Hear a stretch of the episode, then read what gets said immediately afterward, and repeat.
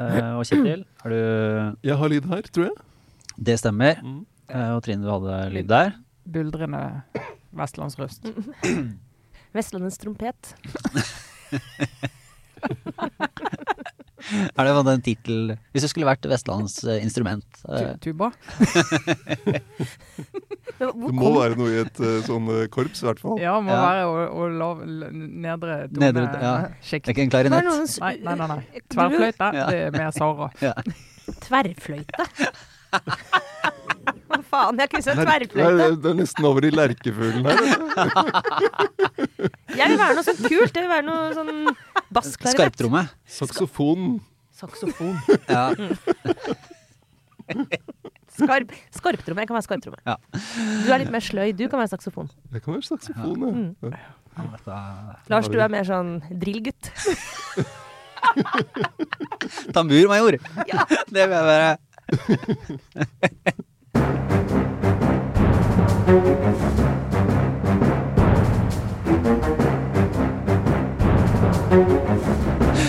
Ah, ja. Og med det så er vi i gang med denne ukens Aftenpodden. eh, og som du kanskje hører, er vi her alle sammen eh, på plass eh, til stor glede. Du også, Sara Sørheim. Velkommen oh, tilbake. Tusen hjertelig takk. Samfunnet, altså. Det er undervurdert. Veldig deilig å være en del av det igjen. Ja, for du har jo da vært i, i karantene, i sånn hjemmeliv. Hadde du besøks- og brev- og besøksforbud og ingen nyheter og sånn? Altså, brev og besøks... Ja, det, altså, det var helt jeg, må bare, jeg har bare så utrolig sterkt behov for å si at den karanteneordningen må dø. Altså, det er mitt uh, viktigste budskap eh, herfra og ut. Det er bare Det går ikke mer. Vi, altså, vi jo, hadde jo en covid-syk i familien. Uten symptomer, vel å merke. Uh, men da er det jo resten av huset, særlig de små barna. Forestiller deg en gutt på fem år som er helt frisk. Veldig frisk. Absolutt 110 seg sjøl. Som er da hjemme i elleve Jeg understreker elleve dager fra barnehagen. Sykt lenge, også. Mens foreldrene må jobbe, så han sitter jo basically og ser på YouTube på telefonen i elleve dager inne. Det blir jo Du må sånn. ta det valget. Enten så er det YouTube, Dette eller så er det å følge til ja. folkehelsen. Ja, altså, jeg orker ikke. Altså, det går ikke. Altså, det, ja, takk for meg. Det går ikke. Det, og hvis vi nå, siden ikke alle ble syke, så ser man jo også for seg at dette kan komme igjen kan og en liten stafett her. En liten stafett. Ja. Mm. Stafetten fra helvete. Så det syns jeg begynner å bli litt uh, lite bærekraftig, uh, rett og slett. Da kan det, det er jo ting som tyder på at det kan få gehør i, i helsemyndighetene framover, i hvert fall. De har jo varsla det, men ja. Men det, dere kan jo teste dere ut underveis. Eh, nei.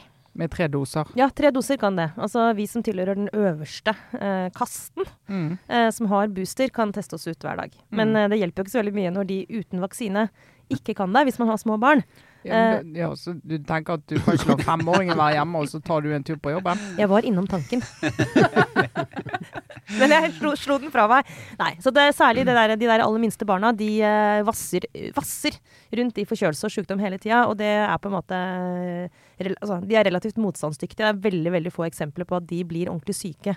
Eh, og da er det et eller annet med Jeg tror kanskje sånn det er klart med legitimiteten til disse reglene som begynner å forvitre når, når, når veldig veldig mange opplever at de må være hjemme med helt friske barn. Og det får jo veldig store konsekvenser for muligheten til å jobbe, og det lager jo, som vi vet, masse trøbbel. Og når tiltaksbyrden på en måte er den største utfordringen for samfunnet, ikke selve sykdommen. Så nå er, nå er det rett før jeg begynner sånn Facebook, øh, at jeg blir sånn Facebook-troll. Stopp meg nå!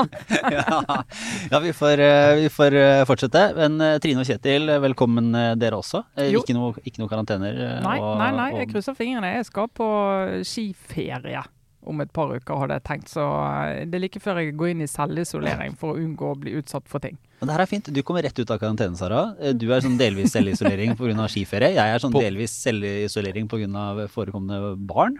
Eh, Kjetil, du er ute og vifter uh, stadig Jeg vekk. er jo Jeg er ikke ute på- isolert. Så du er egentlig den farligste av oss her. Heller ingen planer om å dra på sånn uh, danse på bordet på afterski i Alpene. Nei, jeg vil ikke drømme om å Jeg har lest meg opp på der vi skal, og de får ikke lov å danse på bordet. Du er nødt til å sitte ved bordene. Hm. Der òg. Munnbind hele tiden. Men heldigvis skal vi til et land der det er skikkelig klasseskille mellom de som har tre doser og de som ikke er vaksinert. Så vi får gjøre alt. Nettopp, ja. Da kan du kjenne litt ekstra på den eh, gode, gode samvittigheten for den uh, boosterdosen også. Men eh, vi, eh, vi får vel inn i denne ukens eh, politikk, som, eh, som er både på å si, kort, korte perspektiver og lange perspektiver. Vi kan jo starte med det lange perspektivet, egentlig. Eh, Erna Solberg har varslet at hun da eh, søker gjenvalg som Høyre-leder, og ser for seg å være statsministerkandidat også i 2025. Eh, I motsetning til nestleder Jan Tore Sanner, som eh, kan si han er en venn av podkasten. Ja. Ja, det vil jeg si. Ja. Veldig sterk venn av reformhjørnet, så Ja, det, det ligger litt nede for tiden. det ligger litt nede. Kanskje vi skulle tatt eh, reverseringshjørnet Ja, ikke sant? og, At de kan, og lag det. eh, Det tror jeg kunne blitt et morsomt Sett litt på dette det, dette ja. konseptet skal vi jobbe ut. Ja. Vi pleide å Eh, få julekort mm. av Jan Tore Sanner eh, i en periode. Det tror jeg han slutta med på slutten. Så Det det er var særlig han da han var kommunalminister. ja, så det er mulig han ikke det. lenger er friend of the pod. Dette må vi prøve å finne ut av. Men han er i hvert fall ikke så veldig mye lenger nestleder i Høyre, da. Nei, ikke sant. Og, og da har de jo tatt uh, ulike valg uh, sånn sett. Men det er jo spennende, for det er Altså, um, vi må bare ta en liten diskusjon på Er det sånn Altså, tror vi på henne? Er det kanskje første spørsmål. Tror vi på Erna Solberg? Sier at hun eh, vil bli uh, Høyre-leder fortsatt? Altså vil fortsette å være statsministerkandidat i 2025? Altså, jeg tror med nesten alle andre partiledere så ville jeg tenkt at eh, OK, 1100 år på Stortinget, eh, 100 år i regjering. Nå er opposisjon igjen, tilbake på Stortinget. Hvordan er motivasjonen for å fortsette i fire år i opposisjon og så gå inn i en valgkamp for å bli statsminister igjen? For alle de andre så ville jeg tenkt det orker jeg ikke. Jeg har lyst til å gjøre noe annet, rett og slett. Men med Erna Solberg, hun er skrudd sammen sånn at uh, jeg er jammen ikke sikker på om ikke den motivasjonen er genuin. Og jeg tror, jeg tror hun elsket å være statsminister, og jeg tror hun genuint tror at eh, det er bra for Norge hvis hun blir det en gang til. Men, eh, men hun bare sånn for å ha det, hun kunne ikke svart noe annet. Nei. Akkurat nå, Nå. kunne hun ikke det, hvis ikke hun skulle, hvis ikke hun skulle bytte leder nå i vår. Ja. Og så- har hun i den setningen om at hun uh, ser for seg å være statsministerkandidat i 2025, så har hun uh, et nå som ligger inni den setningen. Det er det hun ser for seg nå. Mm. Uh, og det Jeg blir overrasket om hun er det i 2025. Altså hun har hun har vært partileder siden 2004, eh, har hatt åtte år som statsminister. Uh, og, og hun har greid å bygge opp et ganske bra lag av mulige etterfølgere. Og det, du, det vi ser i Høyre nå, er jo egentlig litt, sånn en litt sånn myk fornyelse. Du hadde jo Bent Høie som gikk ut i 2020 som nestleder. Så fikk de inn Tina Bru. Og så går Jan Tore Sanner ut nå som nestleder i, på landsmøtet denne våren. Og så får de inn en fornyelse til. Og det gjør at eh, Erna Solberg kan, kan se an, eller se når er partiet klart for, når er de, de mest aktuelle kandidatene klare for å, å ta det steget opp. Og, og om de gjør det neste år eller året etter, så er det fortsatt tid før neste stortingsvalg. Det jeg tenker er interessant der, er jo også å se og spørre sånn den neste lederen, da, gitt at Erna Solberg ikke skal fortsette inn eh, til 2025, eh, bare kontrafaktisk ut fra det hun sier, men la oss nå likevel Mm. utforske den muligheten, eh, om det er sånn at de da må eh, finne den neste lederen fra den nye ledelsen. Altså ikke sant, at en av de to Mm. nestlederne uh, er den som etterfølger. Og det kan jo gjøre at uh, hva skal man si, det står litt mer på spill også i den potensielle nestlederkampen. Der er det jo klart allerede at Henrik Asheim, som da er innvalgt fra Akershus, og, og Nikolai Astrup, som er innvalgt fra Oslo på Stortinget, begge har sagt sånn klassisk vil ikke utelukke det dersom valgkomiteen skulle kunne komme til å peke på oss. Mm. Men om det blir en sånn potensiell framtidig lederkamp, eh, eller i hvert fall posisjonering for, en, for å ta over som leder, så blir det jo litt ekstra spennende den der nestlederduellen, da. Eh, selv om du har rett i, Kjetil, at Høyre har klart å, å gro frem mange potensielle kandidater, så er det en sånn mellomgenerasjon som er litt borte igjen, da. Eh, fordi både Tina Bru og Henrik Asheim, særlig de to, er jo relativt unge fortsatt. Mens en kandidat som f.eks. Ine Marie Søreide, tror jeg nok ganske lenge har vært liksom blant Erna Solbergs favoritter. Eh, og hun har jo ikke uttrykt, eh, i hvert fall ikke i offentligheten, særlig sterk lyst til å ta over som partileder. Men jeg har heller ikke hørt sånn 100% at det er uaktuelt. Så min høyst private teori er at, liksom, at Erna Solberg også kanskje avventer litt for å se om noen av de i den generasjonen eventuelt liksom kan komme på banen igjen. Da.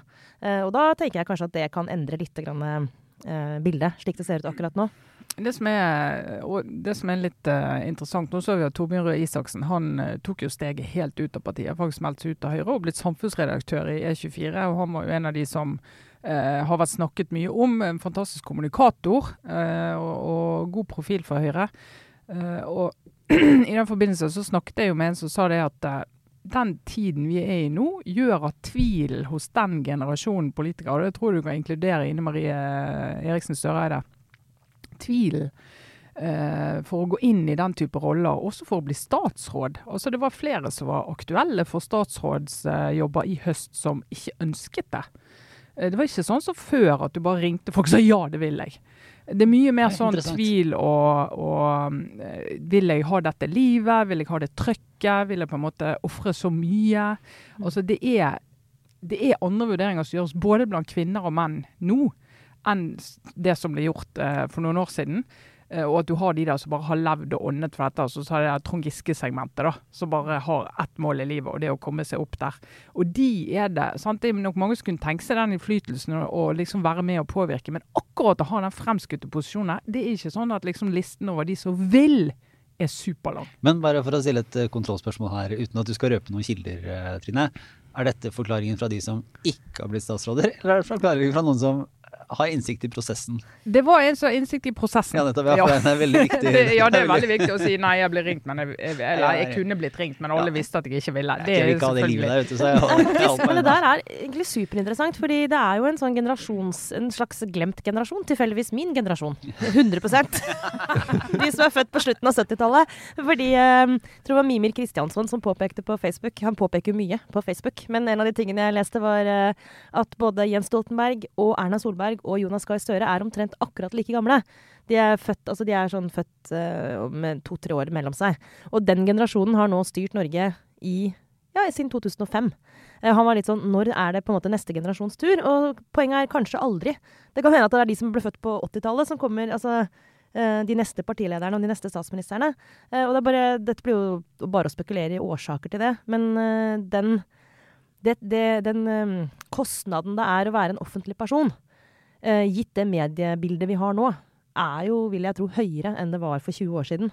Så det å ha vokst opp med sosiale medier, og ha vokst opp med liksom, den, den, måten det, altså de konsekvensene av å være offentlig person, sånn som vi har, da, kan jo skjønne at det får deg til å vurdere det på en litt annen måte. Så du tenker det er lettere for de som er mer sånn, si, innfødt i den verden? De som er enda litt yngre? De ja. som har opplevd Ja, mens de som bare er liksom. digital sånn. natives, ja, kanskje forholder seg annerledes. Jeg vet ikke. Men så er det jo bare det å få altså, livet til å gå opp, da. Så han eh, næringsminister Vestre kom ut til å si i et uh, intervju med VG her uh, i høst at han, han er singel. Man kunne godt tenke seg å ikke være det. Og da tenkte jeg Ok, hvis, hvis, det, hvis, det, er så høyt oppe på listen, så har du en livssituasjon nå som i og med at du ikke lever for, er statsråd for 15 år siden, da var det jo annerledes. Da kunne du sjekke og suse rundt og holde på. Det er ikke så lett nå. Så, så, så altså, bare tenk deg det livet han har hvis han liksom ønsker å knytte noen sånn tette relasjoner. Han jobber sannsynligvis døgnet rundt. Uh, og alle han møter, de har han en eller annen sånn uh, jobbrelasjon til. Har nesten ikke noe fritidsliv. sant? Altså Hvis du har en familie, så tvinges du jo til hvert fall å koble ut av og til og bare se, å være og bruke de årene av livet ditt inni den tunnelen eh, det er ikke for alle. Det er ikke for alle. Det, det, her blir jo også spørsmål om hvilken profil er det Høyre skal ha inne stortingsvalget i 2025. Skal, ha, skal, du ha Erna Solberg, som har um, med all sin erfaring og sånn, mot uh, Jonas Gahr Støre, som er omtrent like gammel, begge sånn godt passert 60? Eller skal du ha en yngre profil, utfordrer fra Høyre, mot da Uh, en regjering som per nå sliter. Mm. Uh, og så er det, det andre spørsmålet er jo mer det politiske. Hva er det som nå skal være Høyres politiske prosjekt etter Erna Solberg? Uh, hun, jo, hun, fikk jo styre da i en periode der der de bare kunne bruke masse penger. Og, og, slapp å ta vanskelige valg og kunne legge bort all sånn bekymring for at det offentlige ble for stort. og Det, det var i hvert fall det de gjorde. Hva, hva hvis hvis de får rett i de spådommene som Jan Tore Sanner la frem som finansminister, om at det blir trangere fremover de kommende årene, så blir det jo det. Da blir det jo en skarpere, politisk, eh, skarpere politiske valg som må tas. Mm. Hva er det da som er viktig? Hvordan skal du prioritere pengene? Hva blir Høyres profil? Og hvordan skal de bygge noe som kan bli et flertall. Og en interessant ting også er, er det Erna Solberg som er rett person til å lede den eventuelle fornyelsen i partiet? Altså fordi Nå er det jo spennende med Høyre som opposisjonsparti, nettopp om de får en sånn diskusjon. Hvis du husker tilbake til da Støre tok over Arbeiderpartiet, så var jo det på en måte lovnaden. Nå skal vi ha en en slags sånn politisk dugnad. Nå skal vi liksom få opp igjen vårt prosjekt. Og så gikk det sånn helt passe. Eh, men, men nå er det en ny mulighet for Høyre, da. Men, eh, men om det er om liksom Erna Solberg om hun er i stand til å liksom revitalisere den 'hva er vårt prosjekt'? Altså Hun har gjort det til et prosjekt og ikke ha et politisk prosjekt, på en måte. Så det tenker jeg kunne Hvis hun bare sitter i det partiet, så er det lett å tro at det ikke kommer til å skje så veldig mye med Høyre i de årene. Og så er det vel noen, det er vel noen også innad i Høyre som ikke ser på det som en kritikk av Erna Solberg som sådan, men som, som også erkjenner eller påpeker at nå er dette det er så veldig Erna Solbergs parti. Ja. Altså hun har en kontroll på det partiet som øh, altså Bare hun har en naturlig autoritet i det partiet som, som gjør at veldig mye følger hennes måte, ønsker eller tanker for hvordan det skal være videre. Og det, det er vel sånn som eh, ofte er en styrke for et parti, helt til det blir en svakhet. Ja, og det er jo faren for Høyre er jo å se seg litt blind på de målingene de har nå, der de får veldig mye eh, god oppslutning. sant? Alle som er skuffet over eh, den nye regjeringen som ligger i det landskapet. De sier nå søren, nå savner vi Erna Solberg. Og de kommer jo til å savne henne en stund, men så blir jo blekner det. Uh, og så skal Høyre inn i en ny valgkamp, og så skal de liksom vite at nå, nå har vi noe nytt. Vi har nye svar på de utfordringene vi står i. Og den generasjonen som eh, Kjetil snakker om, Erna Solberg sin eh, generasjon, Jens Stoltenberg, eh, Jonas Gahr Støre, som satt, sagt veldig tabloid, da, egentlig hatt veldig lette år. Ja, de har hatt kriser, men de har hatt lette år på den måten at de har hatt den pengebingen så de har kunnet tappe av og tappe av og tappe av uten at det egentlig har gjort noe.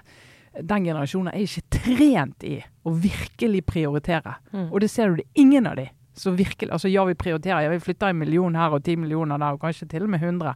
Men det der å virkelig ta de store prioriteringsgrepene, det er veldig vanskelig for dem. Og det er en ny generasjon som har kommet. Og sier du ser Ungdomspolitikerne er jo veldig opptatt av det. De er opptatt av liksom alt fra generasjonsregnskap til liksom hvordan du skal eh, klare å løse disse problemene på litt lengre sikt. Og det å få inn noen som tenker disse nye tankene i Høyre, og klarer å definere politikk som gjør at de er troverdige alternativ i 2025, det må jo Høyre snakke om, om de Og det får jo tenke at eh, Erna Solberg er klok nok til å se at uh, skulle gjerne var veldig gøy å være statsminister, men for partiet er det riktig at jeg nå feider sakte ut.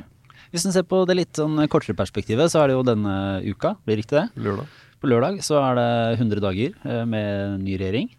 Det Eh, føles som det gikk både veldig fort og veldig sakte, ja, de 100 dagene. Det er jeg helt enig i. Ja.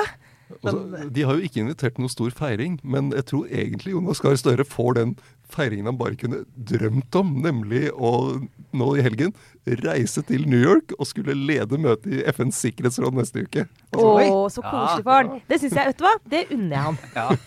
Jeg så han ikke mitt før litt gjøre det sånn nå. så skiferie, det. Ja. Ja, ja, Jeg ja. ville nok helst Altså- vært på Skjennungstua eller Gørja, men Nå han bare sitter er og ja, eh, Vanskelig med selvpålagt isolasjon eh, for en eh, statsminister. Ja, ja, Men vi får krysse fingrene for at han holder seg frisk og kan delta på det. Men hvis vi skal ta en, en kjapp runde på, på de første 100 dagene, åpenbart prega av av strømkriser og, og pandemi, og kanskje å måtte snakke mye om det de ikke hadde så lyst til å prate om. Det har vi vært innom uh, før. Eh, Det var jo en del nye ansikter og nye navn i den regjeringskabalen som eh, kom.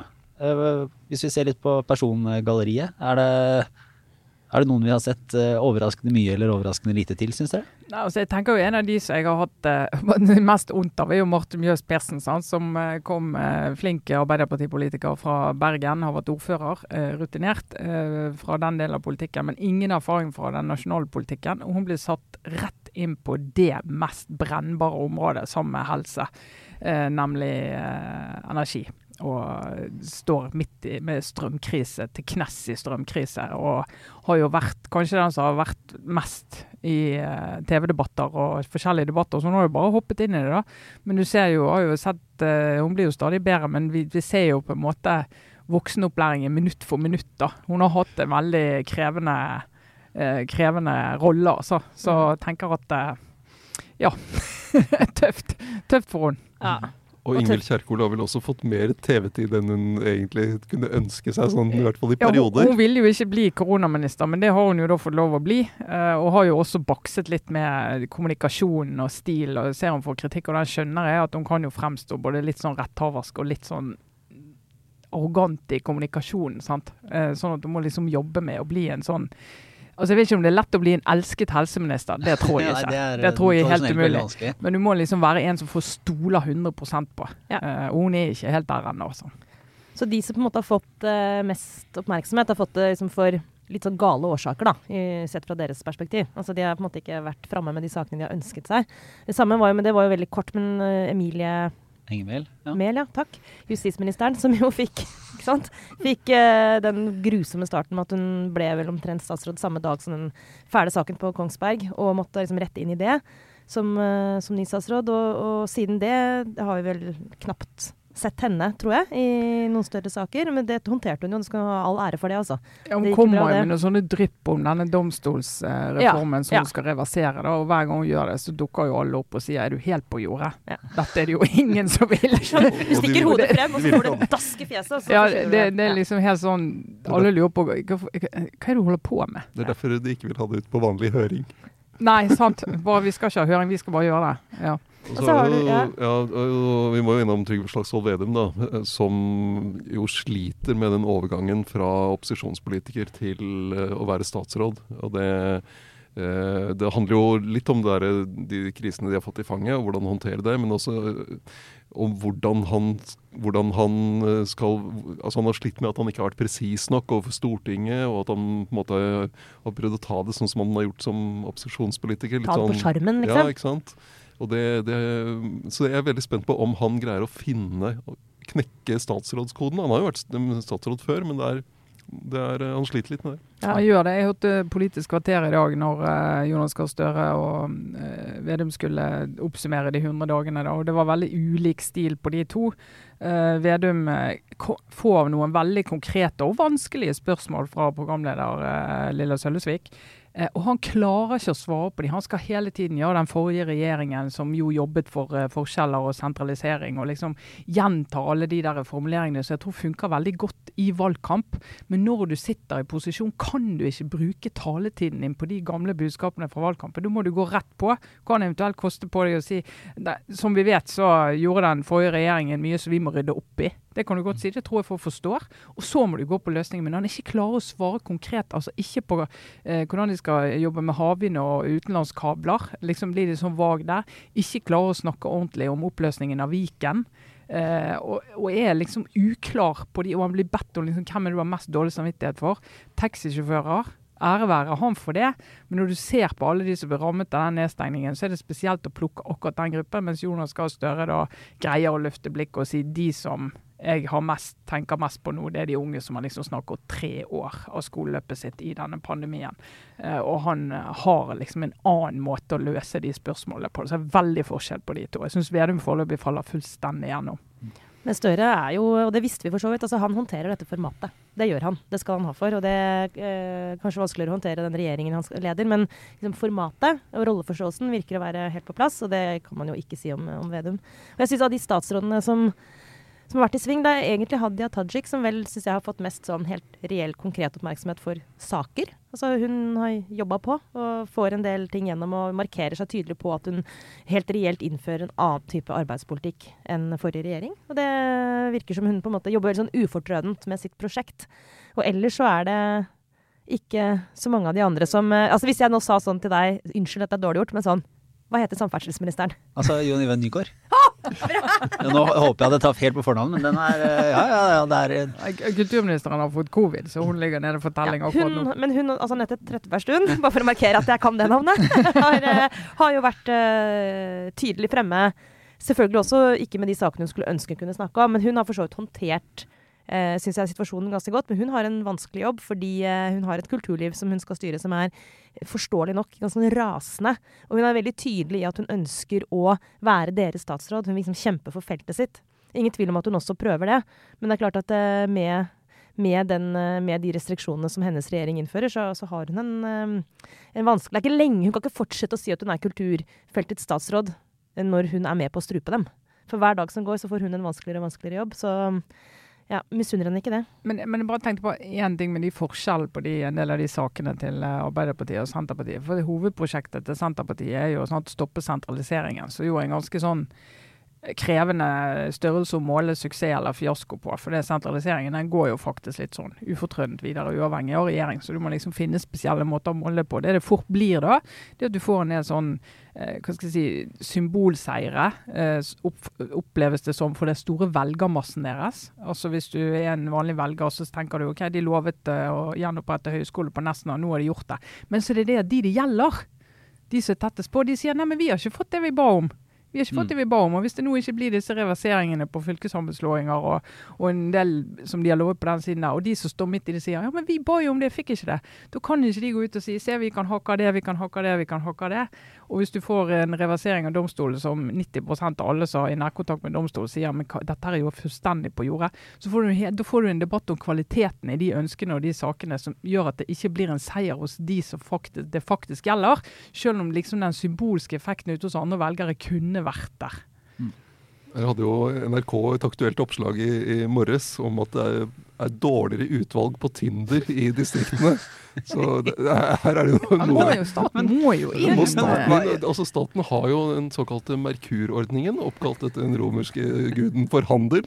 Merkur-programmet, mener jeg. Eh, og som er støtte til uh, små butikker i distriktene.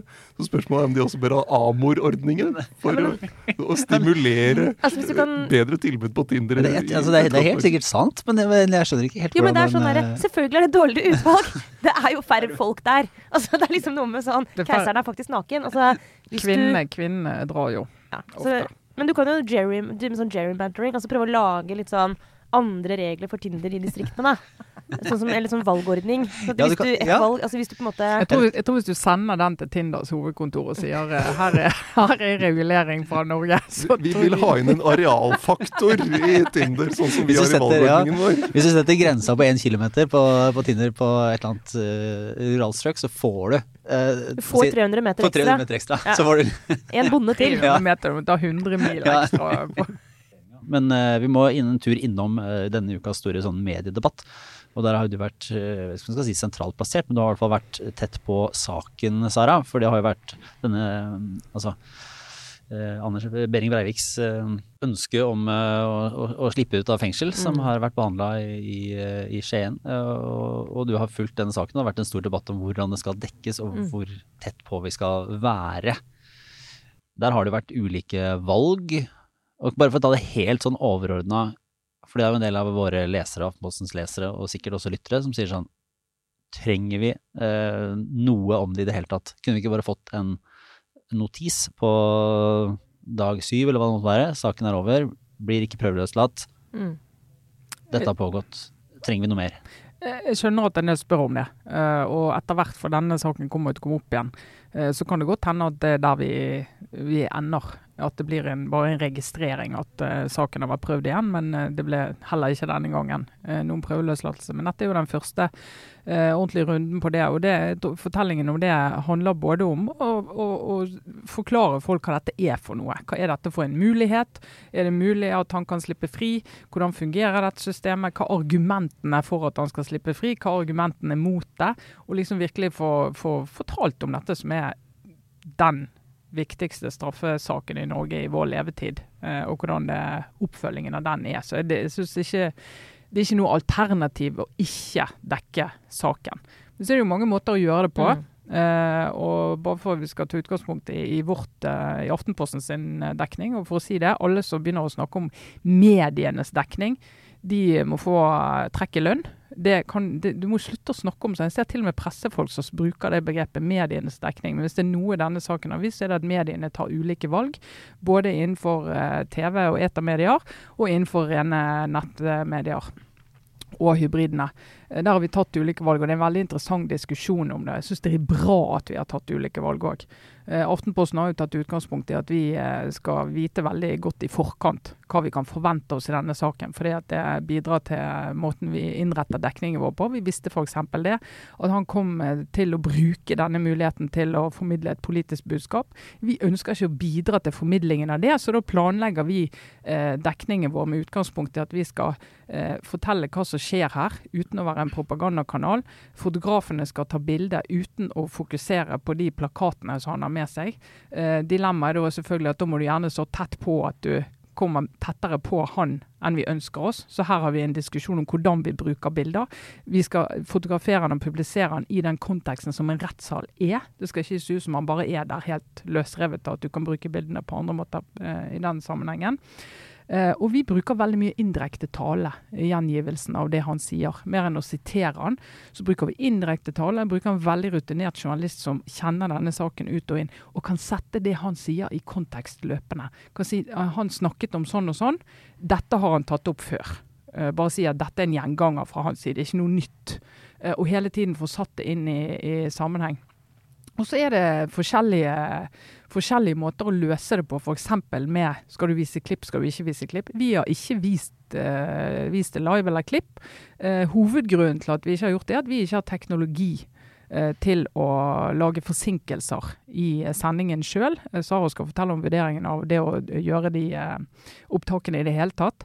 Eh, men vi er nødt til å ha kontroll og kunne styre de bildene. Så det var egentlig ikke et alternativ for oss å ta det ut live. Men det vi har diskutert hos oss, er burde vi likevel vist hvordan han eh, opptrer og fremstår i retten. Går an å klippe sammen en video som viser det uten å formidle budskap, og uten å ta det Men med kontekst. Og hele tiden sette det i kontekst. Fortelle hva er dette for noe. Det kan godt hende. Det har vi ikke gjort. Kunne, burde vi kanskje ha gjort. Ja, for Du har jo sittet og fulgt dette tett gjennom uka, fordi NTB har som ansvar å, å, å ha denne videostreamen, mm. som, som, det også var debatt om man burde ha i det hele tatt. Ja, men det er jo to veldig forskjellige ting. Det er kanskje ikke så lett å skjønne sånn, eh, når man ser det eh, helt utenfra. Men det vi har gjort i NTB, er jo å filme rettssaken og så distribuere den til redaktørstyrte medier. Altså ikke som kringkasting, ikke ut til alle, men ut til, eh, ut til medier som selv gjør sine egne vurderinger rundt hvordan dette stoffet skal brukes i offentligheten. Og som Trine sier, så er det veldig forskjellige vurderinger. Dagbladet har sendt store deler av eh, Breiviks forklaring direkte, rett ut. Eller dvs. Si med 30 sekunders forsinkelse, da. Um, til, det har alle hatt, og det har vi også sørget for fra NTB sin side. Men, men at du um, sender ut Altså, de har sendt ut alt. Mens andre, f.eks. Aftenposten, har ikke sendt noe av det, men har gjenfortalt i, i skriftlig form hva som ble sagt. Uh, og det syns jeg er veldig bra, for det første, at man gjør de ulike vurderingene. Men for meg som redaktør så tror jeg nok at um, Altså, vi har aldri engang diskutert om vi skulle legge ut i nyhetstjenesten til NTB eh, en sånn helt direkte overføring av Breiviks forklaring. Vi har gjort det til våre profesjonelle mediekunder, men jeg syns det er vanskelig å forsvare å skulle uh, legge alt han sier uredigert ut sånn helt åpent. Og det, det, er sånne diskusjoner som vi har brukt masse tid på denne uka. Så vi har også gjort litt sånn som Aftenposten, øh, øh, som dere har gjort, Trine. Altså at vi har gjort utdrag eh, fra det Breivik sier. Og så har vi fortalt i våre saker hva som blir sagt. Og vi har til og med også vært opptatt av å så er det interessant forskjell, vi har vært opptatt av å sitere han direkte, vi. For at ikke vi skal fortolke for mye, men at vi bare skal vise frem hva han sier. Men et utvalg på å løfte frem de tingene han mm. sier som er relevant for utfallet av saken. Bare for å minne om det at denne saken handler om én ting, og det er er Breivik fortsatt en trussel? Er han farlig? Og svaret, på, til, altså, svaret, på, det er ja. Og det er ingen tvil om at det kommer til å bli uh, beslutningen i retten, og at han ikke slipper ut. Uh, det tror jeg sånn som Datteren min spurte liksom mange ganger denne uka sånn Hvorfor er, altså, kan han komme ut? Og det er veldig viktig tror jeg, også overfor liksom, barn og unge å si sånn Nei, det kommer ikke til å skje. Men det har nyhetens interesse å få disse vurderingene opp og frem. Og jeg mener nok ganske sterkt at det også har allmenn interesse eh, å bli orientert om eh, hvem Anders Behring Breivik er, hvordan han tenker, og hva han faktisk sier.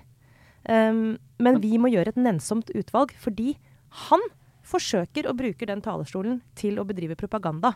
Det tror ikke det er noen grunn til, altså det må vi, ikke, vi må ikke være noe naive i møte med det. Det er hans prosjekt. Og da må vi passe på at vi, at vi bruker hodet når vi dekker det. At vi forteller deler av hva han sier, men ikke blir en, et mikrofonstativ. Det er men, ikke så enkelt ja, nei, i, i praksis heller, det, og dette skjer jo løpende, ikke sant. Men og, eh, Dagbladet, som har fått mest kjeft, kanskje, fordi det har vært uh, vist mest, uh, både av bilder og levende bilder, uh, har argumenterer med at det her er altså, det er en, form for dokumentasjon, det er en åpenhet på hva denne prosessen er, på hvordan han uttaler seg, hva han sier, mm. og på en måte at hans Hva skal jeg si Ved å vise hva han sier, så blir jo han ikke sånn Vokser ikke myten om at han måte verken undertrykkes helt sånn udemokratisk og utafor systemet, eller at han, at han er så sjarmerende eller smart eller, eller, dyktig til å ordlegge seg at, at vi på en måte ikke kan vise det til noen. Mm. Altså, og ja. gjør han til en sånn større person. De, de vil jo argumentere med at tror jeg at, han blir mindre nesten ved å vise det fram. Fordi at det normaliseres, eller, eller, at det viser at han ikke har noe sånn ikke er den der helt skyggeskikkelsen som, eh, som truer på samme måte, da. Men det, har jeg for, det, altså, det resonnementet følger jeg langt på vei. Det er derfor vi må finne den balansen. For at hvis vi hadde lagt helt lokk på uh, dette her, og på en måte nesten latt som det ikke skjedde, og som du Mm. sa i innledningen, på en måte bare brakt en notis uh, ved sakens slutt, så ville det tror jeg vært minst like farlig, for da bygger du også opp under eh, konspirasjonsteorier og eh, påstander om at, eh, liksom, at han blir liksom nektet å få uttale seg, at vi i mainstream media liksom, eh, redigerer virkeligheten for hardt. da. Mm. Eh, og jeg tror det er en, det er en sånn stor styrke også ved det rettssystemet vi har, eh, at han behandles på lik linje med andre fanger i kraft av at han har den, de rettighetene han har. Og det å få saken opp til ny vurdering, det er en rettighet han har. Og det, det tenker jeg det er også et styrke ved systemet at vi viser frem det. Og da må vi også rapportere hva som blir sagt i retten. Ikke minst for at eh, dommerens eh, beslutning eh, skal være mulig å forstå. Ikke sant? Altså noe med den allmenne rettsoppfatning også, at når han nå da ble sendt tilbake i fengsel, sannsynligvis får han ikke ta opp saken sin heller på samme måte eh, ved neste korsvei, vil jeg anta. Det får vi nå se på, da. Men, men det er liksom viktig at vi skjønner, og at du kan klare, når dommen kommer, gjennom å lese journalistikken, forstå hvorfor den ble sånn som den ble.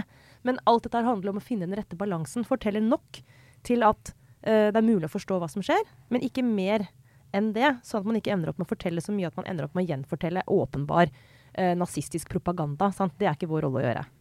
Og så- synes jeg jo det er Dette er jo en rettighet han har eh, i, innenfor vårt eh, rettssystem og vår rettsstat. eh, Og, og så var jo bekymringen har jo vært hvordan vil han hvordan vil han bruke den, og hvordan vil, vil det hele fremstå overfor de etterlatte og for, for ofrene? Blir det en hån mot, mot eh, de som fortsatt eh, eh, har det tungt etter eh, terroren, og, og de som døde? Eh, og da syns jeg det er interessant det statsadvokaten har valgt å gjøre, nemlig å bruke det til å minne om alvoret. Ja. Og, forte og fortelle så grundig om hva som skjedde, og hva terroristen gjorde. Og, de, eh, og, og sånn sett eh, egentlig eh, gjøre det til noe, noe annet enn eh, en arena for ham. Eh, eh, ved å, å minne om det, bruke så mye tid på det. Gjenta hvor alvorlig det var. Hvor, eh, hvor, eh, hvor grovt og hvor dramatisk og hvor eh, smertefullt eh, 22. juli var. Ja, og Men det det, men, det, men det som er jo eh, igjen litt eh, interessant med akkurat det, det er jo Jeg bare tok en sånn skannet litt utenlandske medier, hvordan de har dekket det. og Det er jo litt sånn som oss i sånne saker. Du har en større avstand, så du sitter ikke og tenker sånn hvordan vil de pårørende oppfatte dekningen. Når du er veldig langt unna, så har du et annet forhold til det. Og du ser jo En del av mediene har veldig sånn sober, nøktern eh, både bildebruk og tekst. Eh, eh, mens en del eh, Det er jo ingen som nevner at statsadvokaten hadde den runden der. Eh, og Det er jo ikke et klipp som går viralt og er rundt, og som alle får se når hun står og leser opp navnet på alle som ble drept. Eh, det bildet fins ikke. Eh, bildet av hans nazihilsen fins jo der. Ute på YouTube nå fins jo klipp fra hans forklaring. Eh, Sånn at, og det er jo der vi som, når vi skal prøve å gi ut et redigert produkt, så må vi på en måte være bevisst eh, at valgene vi tar kan forsterke en sånn effekt, eller eh, svekke den. da. Eh, og der ser vi jo at hennes poeng forsvinner litt. Eh, mens han, og det spektakulære på en måte i at han fremdeles er en nazist og holder på med alt det der røret han holder på med, det lever i aller beste velgående. Og, og hvor sterkt skal vi fortelle det? Men da tenker jeg at det er en viktig oppgave for oss. da. Vi skal selvfølgelig som jeg sa viderebringe liksom kjernen i Breiviks egen forklaring. Det er liksom nødvendig å gjøre det. Men eh, vi må vie mye plass også til å fortelle at minst halvparten av tiden i denne rettssaken har vært brukt til å fortelle som de, hvem som er de egentlige ofrene for 22.07. Eh, og i dag også så brukte aktor eh, Hun brukte den første nesten timen på å lese opp eh, ikke de som døde, det tok hun første dagen i retten, men nå, i dag så gikk hun gjennom alle som ble skadd eh, og som ble utsatt for drapsforsøk. Og det er faktisk nesten enda sterkere å høre på, for det er jo de som heldigvis overlevde, men som da lever videre med sine skader, og som også kan beskrive hvordan de opplevde hendelsen. Og hvordan de hadde det i de sekundene og minuttene og timene mens dette pågikk. Og eh, aktor måtte stoppe et par ganger underveis og trekke pusten. Og jeg satt liksom, på trikken og tenkte liksom, og det er, det er en sunn menneskelig reaksjon, og det kommer frem. Og så er retten er et, og skal være et, måte et sted hvor du går. Det er et ekstremt faktuell uh, et faktuelt rom. Altså du, det er jussen, og det er fakta. Og det er ingen følelser i utgangspunktet som skal på en måte frem. Men de ligger der så tjukt uh, mellom linjene, og det skal det gjøre. Og jeg tenker sånn, Det er utrolig viktig. Det er lett å glemme når man snakker om den rettssaken. Hvorfor skal vi ha den rettssaken? Men kanskje det viktigste svaret på det er jo, derfor skal vi det. Ja. Fordi det er en arena hvor vi kan løfte frem igjen eh, og minne hverandre om liksom, hva som faktisk skjedde. Og så er det, bare for at du skal virkelig oppsummere hva som er kjernen i dette, så er det å finne ut én om Breivik forstår rekkevidden av det han har gjort, om han angrer. Sånn at du overhodet kan diskutere eh, den siden av det. Det gjør han jo ikke. Han sier nå at han eh, tar avstand fra vold, men det sier jo da de som har undersøkt han, at det er ikke troverdig. Og da har du egentlig det du trenger å vite. Da tror jeg vi fortsetter til en runde med obligatorisk refleksjon. Eh, Jeg lurer på om jeg skal begynne. Eh, For det er en, en eh, sak Jeg har faktisk blitt, blitt abonnent denne uka på, på Vårt Land. Som Hæ? jo det er, altså, det er jo Hva bare å skulle til å dra deg inn? Nei, det var en uh, ordentlig perle av, uh, av en rekke saker som, uh, som har Som egentlig løper ut av Altså i, i Kasakhstan. Uh, Kjempelandet. mellom- Kasakhstan, kjempefint land. Ja. Det som, eh, som blant annet godeste Kjell Magne Bondevik skrev i en eh, kronikk her eh, på et eh, tidspunkt, og som også Hans-Wilhelm Steinfeld viser seg har skrevet. Um, og det har jo da kommet opp at Ok, jeg kan starte fra Der. Kasakhstan, ikke nødvendigvis et kjempefint land. Sikkert veldig masse bra, men også et autoritært styre der det i nå nylig var opptøyer, og myndighetene skjøt for å drepe. og mer enn 100 mennesker eh, i hvert fall ble, ble drept. Det er litt uklart hvor mange som faktisk ble ramma. Eh, og så har jo da vårt land gått inn og sett litt på hvordan Kasakhstans regime har benytta seg av kommunikasjonsrådgivere og PR-hjelp i eh, antageligvis i flere land, men i hvert fall i Norge. Og der har de eh, leid inn et PR-byrå. Eh, Gelman Kise, Gelman. Kise. Mhm. Eh, og interessant nok tidligere sjefredaktør i Dagbladet, Jon Arne Markussen, for å få fram noen innlegg, lage et slags sånn innstikk som kommer i avisa av og til, en sånn reklameinnstikk på vegne av Kasakhstan. Det er fascinerende i seg sjøl. og, og ha et, eh, et seminar, kronikker og dette innstikket der i hvert fall. Og så har da fått med seg Kjell Magne Bondevik, som også tidligere har vært litt sånn eh, interessert i Kasakhstan på noe vis men som i hvert fall da skrev et innlegg som også kom i denne reklamebilaget, eh, som han fikk betalt for. Eh, Hans-Wilhelm Steinfeld skrev et innlegg i Dagbladet som eh, da tidligere sjefredaktør Jon Arne Markussen var med på å få inn i avisa.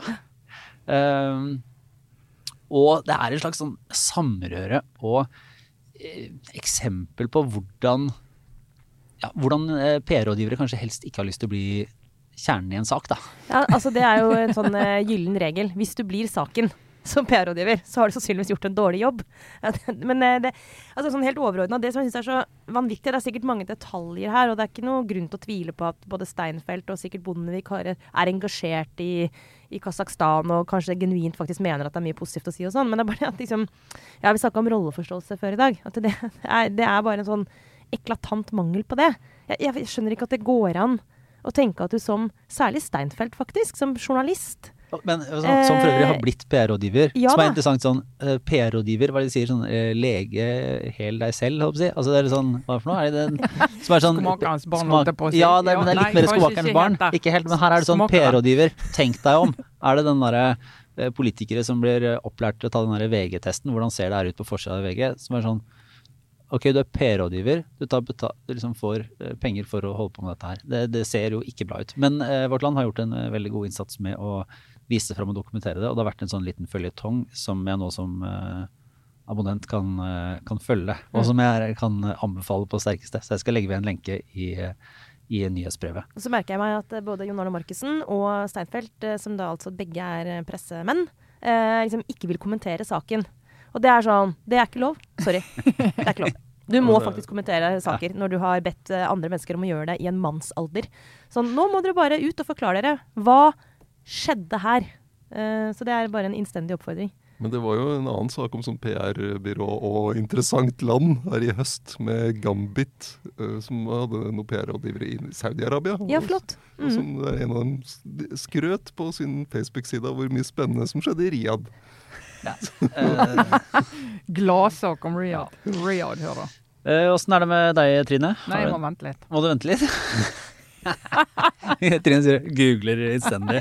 Jeg mangler, jeg, jeg mangler et navn. Jeg mangler et navn. Ja, nettopp. Ja, ja, ja. Ja. Sara? Nei, men eh, jeg, har, jeg må ikke vente. Jeg har jo en eh, Men jeg prøver å porsjonere ut min eh, Jeg kan ikke plage lytterne hver eneste uke, men nå er jeg heldigvis litt sånn borte da, med diverse sykdommer jevnlig nok. Men altså, jeg er helt besatt av oppfølgeren til Sex og singelliv. Fortsatt. Beklager. Men jeg, jeg går og tenker så mye på denne And Just Like That. Jeg har snakket om det før her òg. Men eh, det er et eller annet med den serien som bugger meg så helt intenst. Uh, for det første så er jeg irritert på meg selv for at jeg ikke klarer å la være å se på den. Uh, Jeg lurer litt på hvorfor det, egentlig? Nei, liksom, det er, sånn selv, er det selvskading?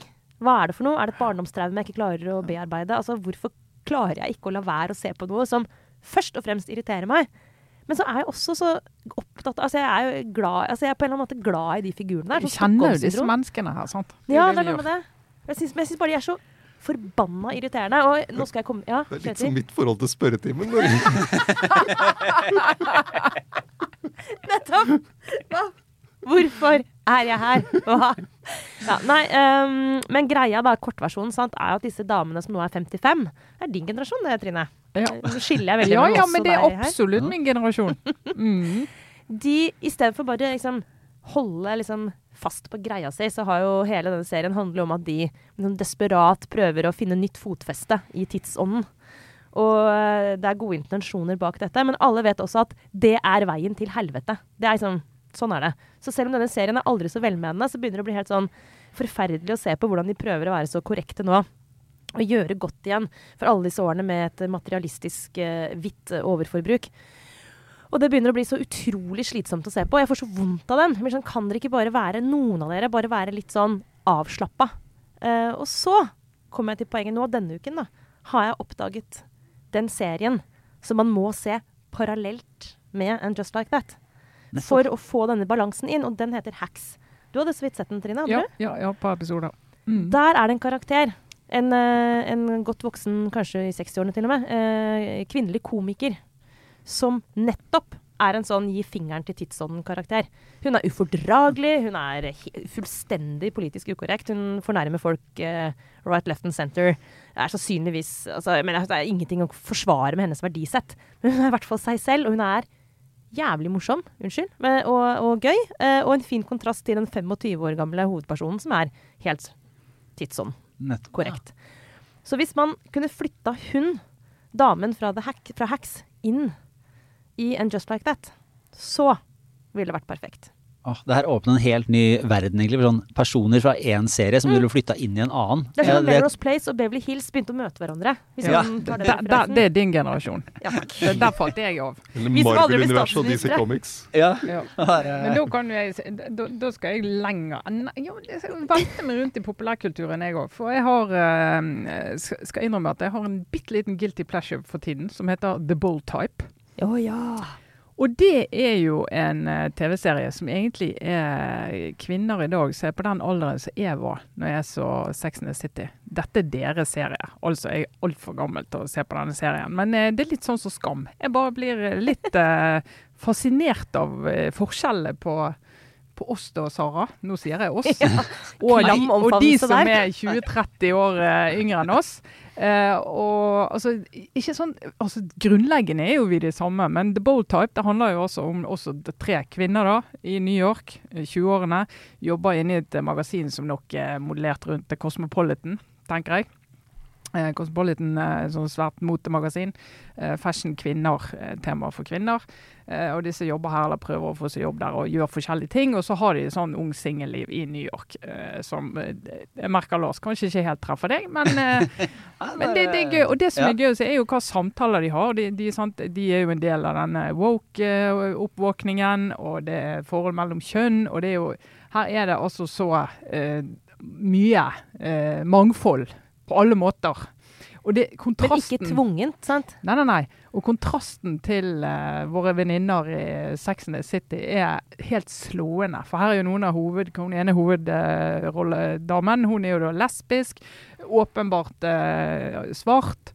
eh, og de holder liksom på å teste litt. Ja, var jeg egentlig det, eller var jeg bi, og er det et problem? Og så mye greier der. Og så er det disse andre problemstillingene. En som har sånn fjerner begge brystene fordi at hun har dette genet som gjør at du kan få aggressiv brystkreft. Så jeg liksom går inn i en del ting, og mye mer, enda mer direkte enn disse våre venninner i Sex and the City gjorde back in the day, og nå egentlig.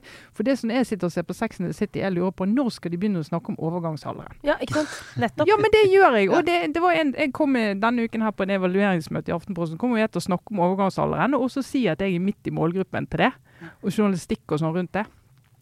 Og det var det en som sa til meg du, det, det, har, det har jeg aldri hørt før. At folk har snakket om at de er i en sånn setting. Og så tenkte jeg ja, nei, kanskje ikke. Men i mitt hode er jo ikke det tabu i det hele tatt. Det er bare noe alle må gjennom. Men det er fremdeles såpass tabu at selv en serie som foreløpig, vi har ikke sett alle episodene, som uh, våre venninner i Sex and the City, de kan ikke snakke om det. Men de i The Bold Type, som altså er 20-30 år yngre, eh, de har jo åpenbart ikke den problemstillingen, men de vil snakke om det. De kommer til å snakke om det. Åh, ja, nei, men da Få inn hun eh, fra uh, Hacks inn i, i Just Like That, og begynn å snakke om overgangsalder. Så er vi, Hvis hun, er vi hvis hun kommer inn i The Bold Type, da blir hun skutt. Åssen er det med deg, Kjetil? Eh, jeg har en, eh, først en anbefaling og så en liten noir. Eh, eller ikke så liten, kanskje, nødvendigvis. Vi får se. Um, anbefalingen er Vi burde jo, vi kunne jo snakket masse om det med Boris Johnson. Altså eh, britisk Og politikk. det har vi jo helt glemt. Vi har jo helt glemt det. Ja. Det er Kanskje han eh, er borte før neste Dette var eh, sjansen. opptak. Ja. Ja, nei, jeg tror, jeg tror ikke det. Men uh, uh, vi har vært, det er to podkaster vi har nevnt før. Uh, Newscast fra BBC, som jeg har nevnt, og Coffeehouse Shots fra Spectator, som eh. Sara har nevnt eh, flere ganger. eh, som som bare følger dette supertett. Og det er, det er noe helt annet enn en liten sushimiddag på Geilo, for å si det sånn. Sånn, Det er en annen klasse over Boris Johnsons partygate. Jeg tenker sånn Fader, altså. Mye gøyere å være politiker og ikke minst embetsperson i Storbritannia enn i Norge. Det er nesten, jeg tenker det er nesten god reklame for å få seg en sånn kjedelig embetsjobb. Det det er så mye festing og gøye Ja. arrangementer. Det var bråk da, da eh, noen eh, rådgivere på statsministerens kontor foreto- foreslo å dra til Nesodden for å ta seg en øl. Ja. Eh, de klarte ikke å komme seg til Nesodden før de var avslørt. Mens, mens eh, teamet til Boris Johnson festa så hardt i hagen hans at denne huska til guttungen til Boris Johnson gikk i stykker. Faen, hyll! Rule Britannia! Det sier bare jeg. Altså, jeg er helt for det der party, det partylinja der. Helhjerta støtte herfra. Nei til karantene, ja til party i Ja. hagen. Eh, og så er det jo en uh, stor dag, uh, konstitusjonelt sett, på et vis. I dag? I dag eller i morgen. I dag og i morgen. I dag så er prinsesse Ingrid Alexandra på besøk hos de tre statsmaktene. Altså Stortinget, den lovgivende, og Høyesterett, den dømmende, og regjeringen. Hvorfor det? den utøvende, fordi hun blir 18 år i morgen. Eh, og det er jo, Da møter hun da på Stortinget møter hun Masud Gharahkhani. Hun kom til Norge som flyktning, fem år gammel, bodde på asylmottak. Uh, tok seg utdanning som radiograf, engasjerte seg i LO, Uh, jobbet seg inn i partiet, fikk tillit i partiet, ble valgt til Stortinget, og har nå fått eh, tillit som stortingspresident. Og så i eh, Høyesterett så møter han jo da Høyesteretts justitiarius, eh, Toril Marie Øie som jo da selvfølgelig er jurist, og jobbet seg gjennom eh, eh, Justisdepartementets lovavdeling, eh, har vært dommerfullvektig ved Strømmen sorenskriverembetet, og så har vært lovrådgiver i Justisdepartementet, og så hatt en stilling ved, ved juridisk fakultet i, ved Universitetet i Oslo, og så ble en høyesterettsdommer, som du jo er konkurranse om å bli, i 2004. Og så i 2016 så ble hun høyesterettsjustitiarius etter å ha konkurrert med eh, det var vel tre andre høyesterettsdommere Den ene var også Jens Stoltenberg, eller? Eh, nei, det var Ida Wolden Bakke. Eh, og en jusprofessor og en advokat. Og så møter hun da Jonas Gahr Støre, som jo for så vidt har en privilegert bakgrunn, men uh, har jo jobbet seg gjennom først byråkratiet på SMK uh, med Gro Harlem Brundtland til Verdens helseorganisasjon. Så tilbake til norsk politikk, inn som eh, statssekretær for eh, Stoltenberg på SMK. Og så eh, senere utenriksminister, helseminister, valgt til Stortinget, partileder, fått tillit som det. Tapt en valgkamp i 2017, og så vunnet en valgkamp i 2021. Eh, så det Ingrid Alexandra får oppleve, er jo da disse tre lederne for statsmaktene som har jobbet seg frem og fått tillit, og blitt valgt og ansatt tid i stillingene. Eh, mens hun er født inn til den hun skal få om 30-40 år. Så det er eh, Så du lar den henge Jeg der? lar den henge eh, hos dette flertallet som syns at monarki er en god idé. Vær så god. Ja, den, eh, det er veldig, veldig fint at den henger der. Det ante det kom et lite, var et lite paradoks involvert. Men vi får ønske henne gratulerer med dagen, da. Og, og lykke til. Det får vi gjøre. Absolutt. 18-årsdag. Ja. Andre 18-åringer kan jo tenke på hva slags russebuss de skal ha, mens hun må rundt og hilse på statsmaktene. Så det Men jeg Og- hørte, jeg hørte Gharahkhani snakke om dette besøket i dag. Han var også så entusiastisk og så fyr og flamme, så jeg tror han gleder seg skikkelig. Det var gøy å høre på han, rett og slett. Det var, Det er jo det var sånn jeg fikk lyst til å ha omvisning på Stortinget med Gharahkhani. Jeg skal melde meg. Men det, han er jo en av få stortingspresidenter som opplever det å ta imot en som da er tronarving, ja. som blir fyller 18. Så Ja. Det er ikke mange, nei. Det er helt riktig. Ja, men eh, det er fint. Det var denne ukas Aftenpodden. Eh, vi er tilbake neste uke. Eh, og skjer det noe spesielt denne uka her? Er, det sånn, er det sånn vi ser aktivt fram til? Ja. Oi, Vi ser veldig fram til den rapporten som skal komme fra, om Partygate i Storbritannia. Den kommer en eller annen gang neste uke. Så, og så er det eh, egentlig møtefri på Stortinget neste uke, men de har lagt inn et møte på mandag for å få behandlet disse eh, koronastrømpakkene som ramlet inn nå fra regjeringen sist fredag. Ikke sant. Ja, men da er vi Og så kanskje det på kommer en ny sentralbank. Ja, fordi at nå vil ikke Ja. Vedum svare helt tydelig i dag på når det har, og jeg vil jobbe med saken. Men altså, hallo, kom igjen. Det må skje. Kan skje. Drømmen om at det kan skje, er levende. Ja. Nei, men det, det var det for denne uka. Da ses vi. God helg og ha det bra.